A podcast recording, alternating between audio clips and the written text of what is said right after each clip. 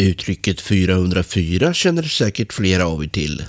Det är väldigt vanligt och i överförd betydelse kan det emellanåt användas för att påvisa att något är fel. Ni som varit inne på UFO Sveriges webbplats har kanske hamnat på just sidan 404 eller egentligen blivit slussade dit när ni inte hittat rätt. Där står att spontanfenomen såsom UFO inte är något man hittar så lätt. Och så är det säkert att den som letar aldrig lyckas i sitt sökande medan andra får sitt livs upplevelse när de minst anar. Fenomenen är allt som oftast slumpmässiga ur betraktarens synvinkel. Så även denna del av UFO Sveriges Radio. Då menar vi inte slumpmässig utan spontan. För någon timme sedan visste vi inte att UFO Sveriges Radio skulle ge ifrån sig ett helt nytt avsnitt.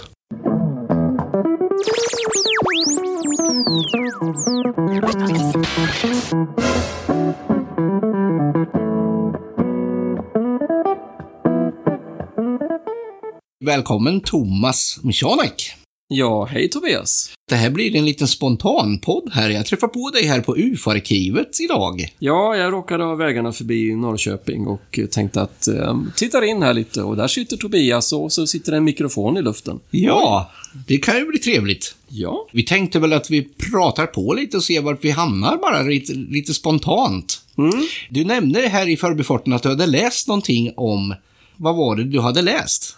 Ja det är ju på Facebook då. Vi har ju den här gruppen som UFO-Sverige håller i som heter Allmänheten diskuterar UFO. Och där var det ju ett inlägg här bara för några dagar sedan där det kom en liten kommentar från eh, en av våra medlemmar i gruppen att som tyckte att eh, bland annat jag och Johan och Klas i föreningen ibland är lite tystlåtna när det gäller att berätta vad vi egentligen tror och tänker om UFO-fenomenet. Att vi på något sätt eh, bara håller oss till det här strikta objektiva. Men jag var inte nämnd, jag som pratar så mycket i podden annars. Nej, du... Eh, på något sätt så lyckades du undkomma denna lilla kritik. Hur utvecklades det sen då? Vi har väl, det är väl Johan som har svarat på det hela. eh, Därför tänkte jag, ja, kanske man kan svara så här i en podd istället. Absolut, det låter ju utmärkt. Ja, och då är det ju så att det finns ju naturligtvis en massa oförklarade fall i UFO-världen. Och det är ju ingen tvekan om att det gör det. Och frågan är då, vad är de för någonting egentligen? Vad, vad, vad, vad är förklaringen? Ja, vad är svaret på UFO-gåtan? Det är väl därför vi är intresserade. Ja, Att det, det finns oförklarade saker som inte har svaret på. Det är väl det som gör att vi tycker att det är spännande det här. För att, jag menar, har man svaret som många tycks ha, som kanske spontant läser lite grann om fenomenet, då har man ju liksom redan bestämt sig. Vi tycker Ja, då kanske blir det ju att eh, svårt att komma loss om man lite målar in sitt hörn, skulle jag vilja säga. på något sätt så tror jag att man kan lära sig lite mer om världen om man är mer öppen för alla tänkbara förklaringar, på något sätt. Vi hade ju en, en podd lite tidigare i år som hette Hypotespodden kan vi kalla den för. Där vi gick igenom lite olika möjliga teorier till de här oförklarade fallen. Eh, Men det kanske inte blev så personligt. Nej, det var väl mer exempel på olika teorier. Men nu är det också så här att vi får ju akta oss lite grann för att vi vill ju trots allt inte kommentera enskilda UFO-fall och säga att vi tror minsann att det här fallet, det har den här förklaringen. För att det, det vet vi ju helt enkelt. Vi har ju inte de svaren. Det som är okänt är ju fortfarande okänt, så att säga. Ja, precis. Och det är ju liksom lite grann föreningens inställning att vi i UFO-Sverige som förening har inte någon specifik åsikt om olika fall. Och det, gör ju, det säger vi ju inte bara för att vi inte tror någonting, utan just därför att föreningen ska vara objektiv och ha en undersökande inställning. Då kan man inte säga att vi har kommit fram till den här lösningen när det inte egentligen finns en lösning. Det är de här genuina ufo-fallen vi talar om. Ja, Det är ju absolut. inte alla de här dussintals misstolkningsfenomenen som vi också pratar om emellanåt. Nej, och det är ju så. Ja, men det ska ju alla lyssnare inse att vi som är engagerade, vi vet ju att det går ju inte att förklara alla fall. Det finns ju genuina ufo-fall, om man får kalla det för det, där det inte finns någon rimlig förklaring. Där, där, där det inte är så att bara för att man skulle undersöka lite mer så skulle man komma fram till att det var ett flygplan eller någonting som folk har sett. Utan det finns ju fall som vi brukar säga har en hög märklighetsfaktor. Och då, då är det jättesvårt att hitta någon naturlig förklaring på något Och de är ju fenomen. väldigt svårundersökta de där fallen. Ja. Och det spelar oftast ingen roll om de får ligga till sig i några år. Nej. För då blir det inte mindre konstiga bara för att de blir äldre. Nej, precis. Så att det, tyvärr är det väl så att med många av de fallen så kommer man liksom inte att komma vidare annat än att säga att det här var riktigt konstigt och oförklarat. Men frågan är då, vad är det? Går det på något sätt att ge lite idéer om vad fenomenet kan vara egentligen? Och jag är ju en väldigt stark förespråkare av idén, som jag även tror att du Tobias är, att man kan inte hitta en förklaring på alla de här okända Nej, de är så fallen. väldigt diversifierade de här ufo-händelserna så att absolut klarlagt att det inte är en förklaring. Nej, det måste finnas olika fall har helt enkelt olika möjliga förklaringar. Även om de kan ha liknande beröringspunkter. Mm.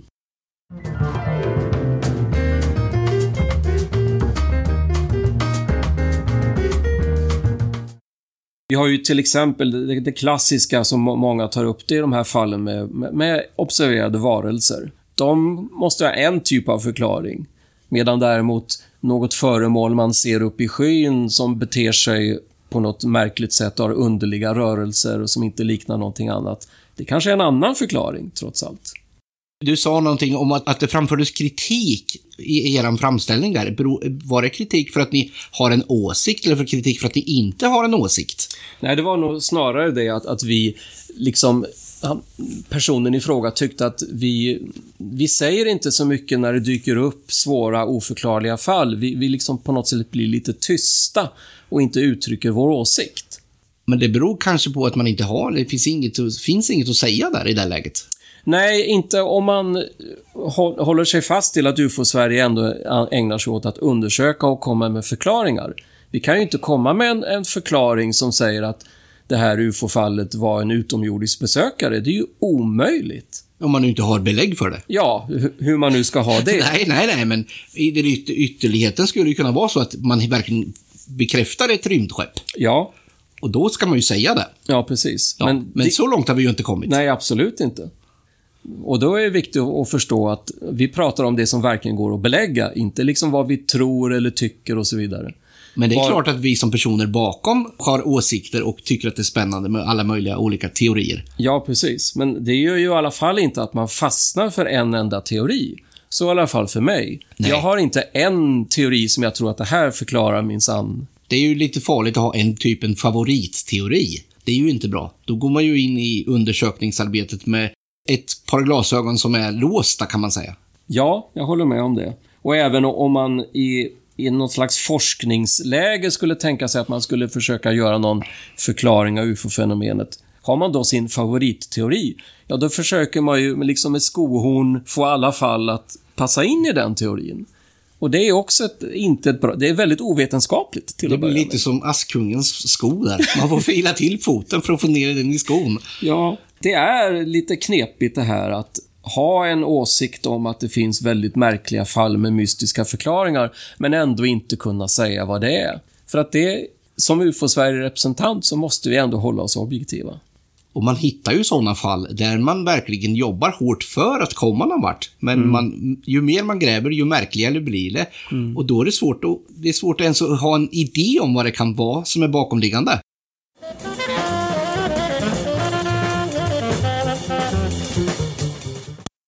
Men jag till exempel, jag, jag fastnar, jag har ju även läst en hel del om svensk och även utländsk folktro. Speciellt då när det gäller tron på olika typer av varelser. Och där kan man ju se en, en, ibland en jättetydlig koppling med dagens ufo-fenomen. Det är bara det att vi klär det hela i andra ord idag. Vi är i rymdåldern och då blir de här varelserna utomjordingar därför att de inte ser ut som människor. Men förr i tiden så blev de inte det. Då blev de vättar och tomtar och troll. Och jag skulle nog vilja säga att det finns en del exempel på gamla sådana berättelser som vi idag skulle klassificera som en, en UFO-observation egentligen. Så där tror jag det finns en mycket stark koppling. mellan folktrofenomenet, eller folktron, och ufo-fenomenet. Det är alltså kulturen som med tiden har förändrat förpackningen. Ja, eller snarare vår, vår tolkning av vad det är. För att jag tror att det mycket väl skulle kunna finnas en bakomliggande fenomen som verkligen är verkligt och jättekonstigt. Exempelvis att det kanske finns i någon, något märkligt sätt andra varelser som dyker upp här bland människor i olika sammanhang och som inte tillhör, som inte är människor, inte tillhör mänskligheten, men som ändå uppfattas på helt olika sätt beroende på vad vi har för preferenser och uppfattningar om kosmos och så vidare. Och det här då förändras över tid? Ja, det tror jag. Förr i tiden, jag menar om man går tillbaks till 1600-1700-tal så höll ju inte vanliga människor på att spekulera om rymdvarelser. Det var ju helt o, liksom okänt. Ingen som tänkte på det. Så därför så beskrev man ju inte varelserna i de orden. Men idag så är det mycket lättare att tänka så. Att det där varelsen, den var ju inte en människa. Då måste den ju komma någon annanstans ifrån. Och då är det lätt att ta till rymden. Ja, medan till exempel folktron säger ju, och det säger de ju i många olika kulturer, att de här varelserna kommer faktiskt från underjorden. Det har jag ju till och med undersökt exempel på. Mm. Där har vi ju, vi har blandat det här gotländska uttrycket disma underjordi. Alltså de små under jorden. Och det, det är ju en intressant, det behöver ju inte innebära att de fysiskt faktiskt befinner sig under jordytan. Men det är i alla fall så som de har uppträtt på något sätt och ja, tolkats. Och, och de här berättelserna finns ju verkligen och människorna som, som berättar dem för oss finns ju verkligen. Mm. Det de, finns ju folk som ser vättar idag. Det har ju hänt, absolut. Mm. Och tomtar och med. Kanske inte den här vanliga jultomten. Nej, precis. Den äkta tomten. Jag förringar inte det på något sätt. Jag tycker att de här folktroberättelserna ska man ta på största allvar. Eh, Man behöver inte tro att folk var konstiga eller sjuka förr eller mindre vetande på något sätt. Nej, precis. Utan de, de beskrev nog precis som dagens ufo-vittnen, precis vad de upplevde och såg. Och på ett helt ärligt sätt. Och sen har vi då tolkat det som folktro som då kanske inte har någon verklig grund, men det kanske har det. Och jag är ju väldigt förtjust i en, en känd ufolog som heter Jacques Vallée, en fransk-amerikansk ufolog. Och han har ju skrivit flera böcker om, om det här, om just kopplingen med folktron och att det faktiskt kan vara en annan intelligens skild från människan som ligger bakom ufo-fenomenet. Och det har ju även John Keel, en annan ufolog, skrivit och teoretiserat om. Och jag köper absolut den möjligheten, i vissa fall då.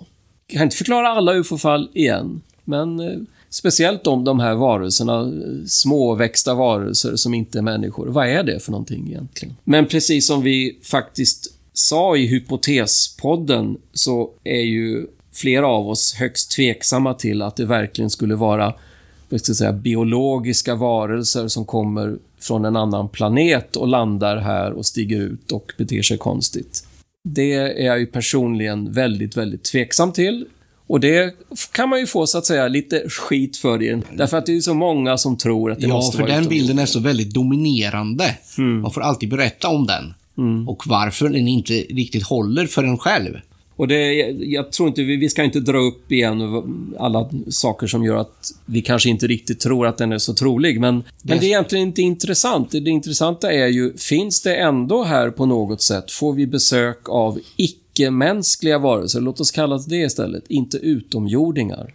Oavsett var de kommer ifrån, Mm. så är de ju här och visar sig för oss på något sätt. För att det, det är ju helt vansinnigt att, att tro att alla observationer av varelser skulle vara eh, påhitt eller misstolkningar eller så vidare. Det håller ju inte.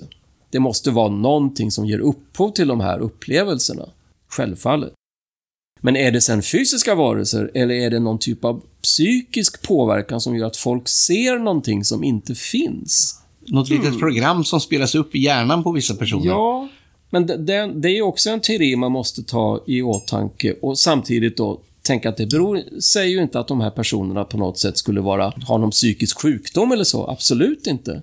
Det tror jag absolut inte. Nej, och inte ens att de hittar på någonting. Nej. Utan folk beskriver ju helt ärligt vad de har sett och upplevt. Men bara för att man då har sett och upplevt den här varelsen som inte är människa så betyder inte det per automatik att det måste vara en utomjording.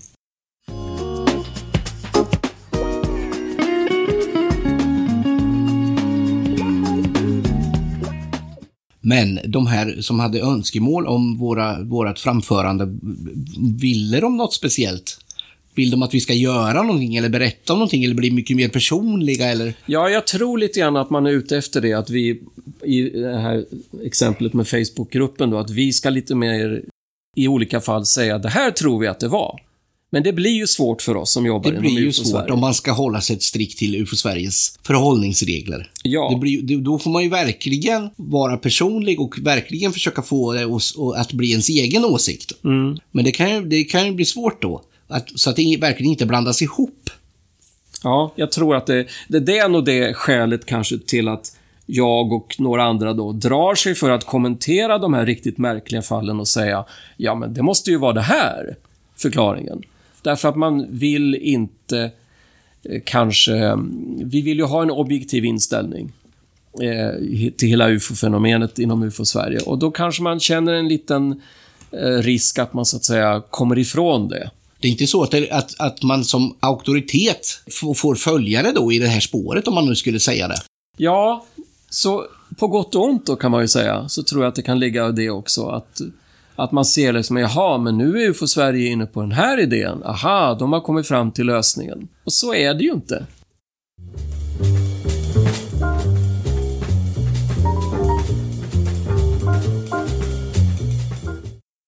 Men de här varelsefallen är ju så väldigt typiska. Om vi bortser från just dem, det finns ju andra typer av ufo-fenomen.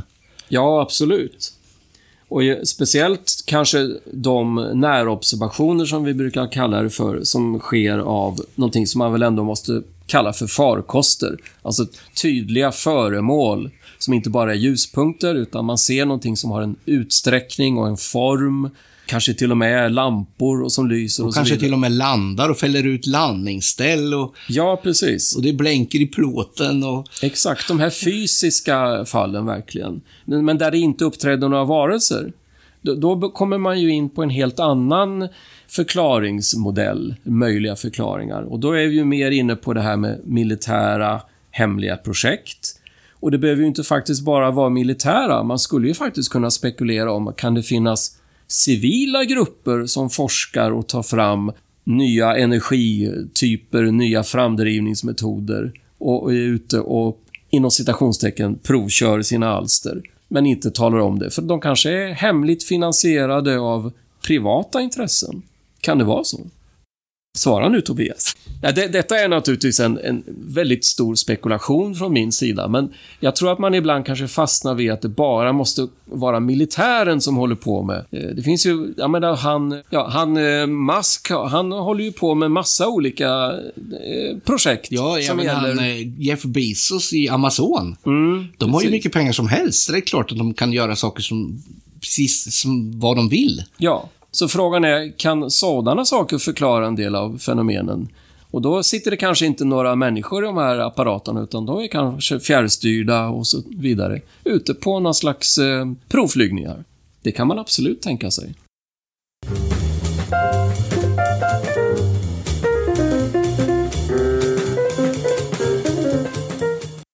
Ja, jag brukar ju ofta nämna det här med jox i ögat. Det har ju blivit lite av en, ett signum för mig efter den här filmen.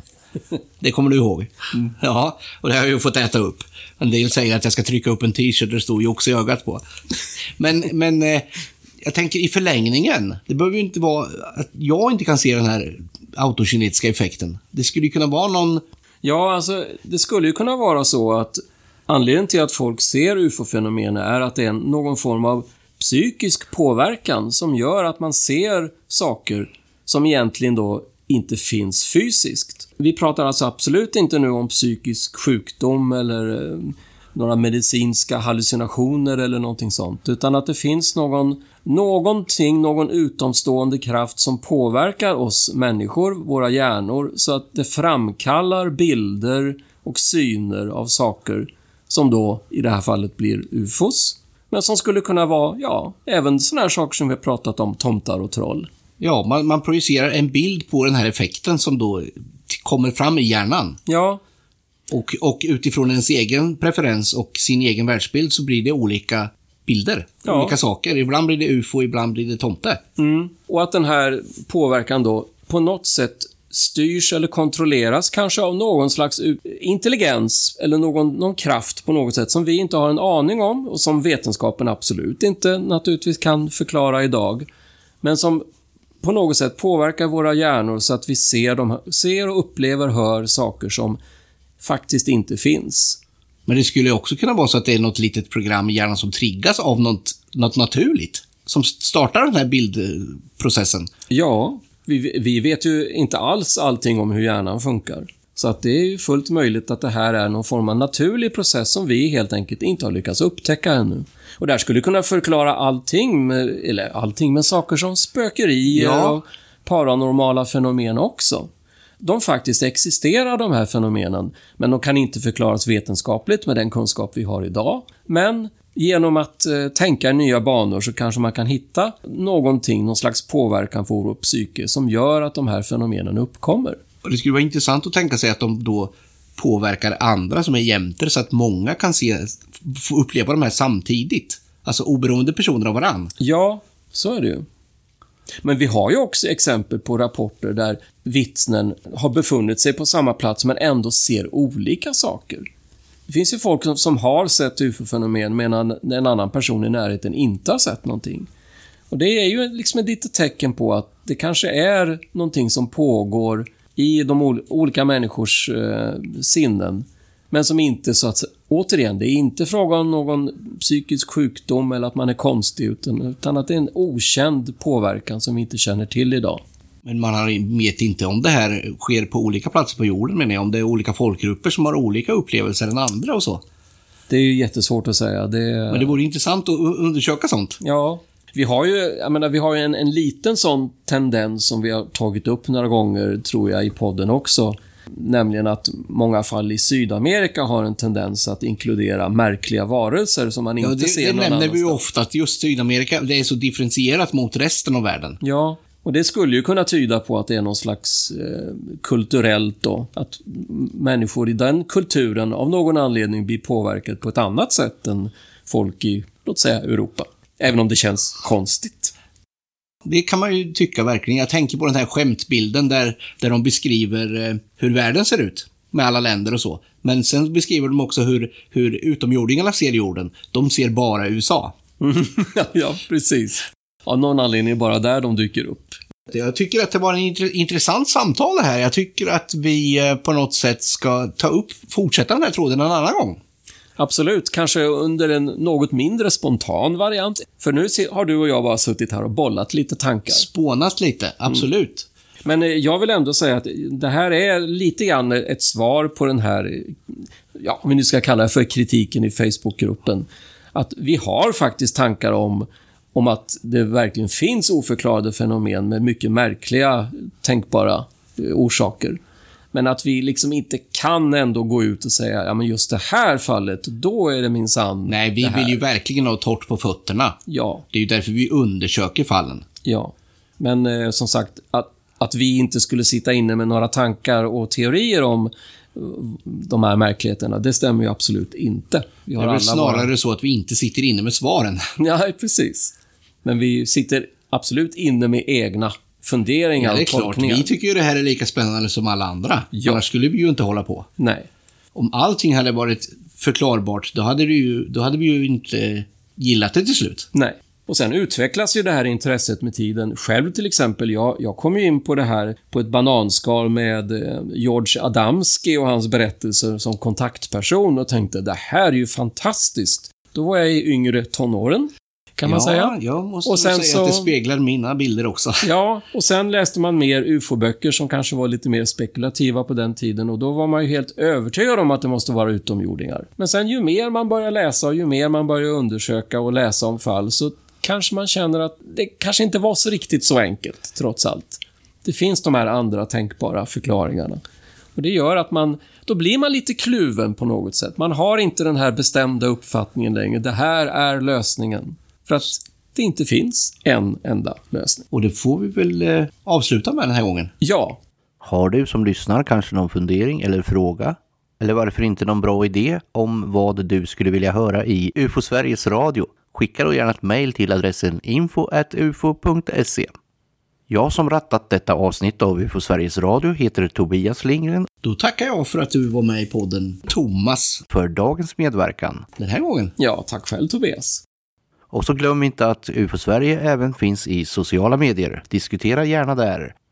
Du hittar UFO Sveriges Radio på de flesta ställen där man hittar poddar och du lyssnar precis när du vill.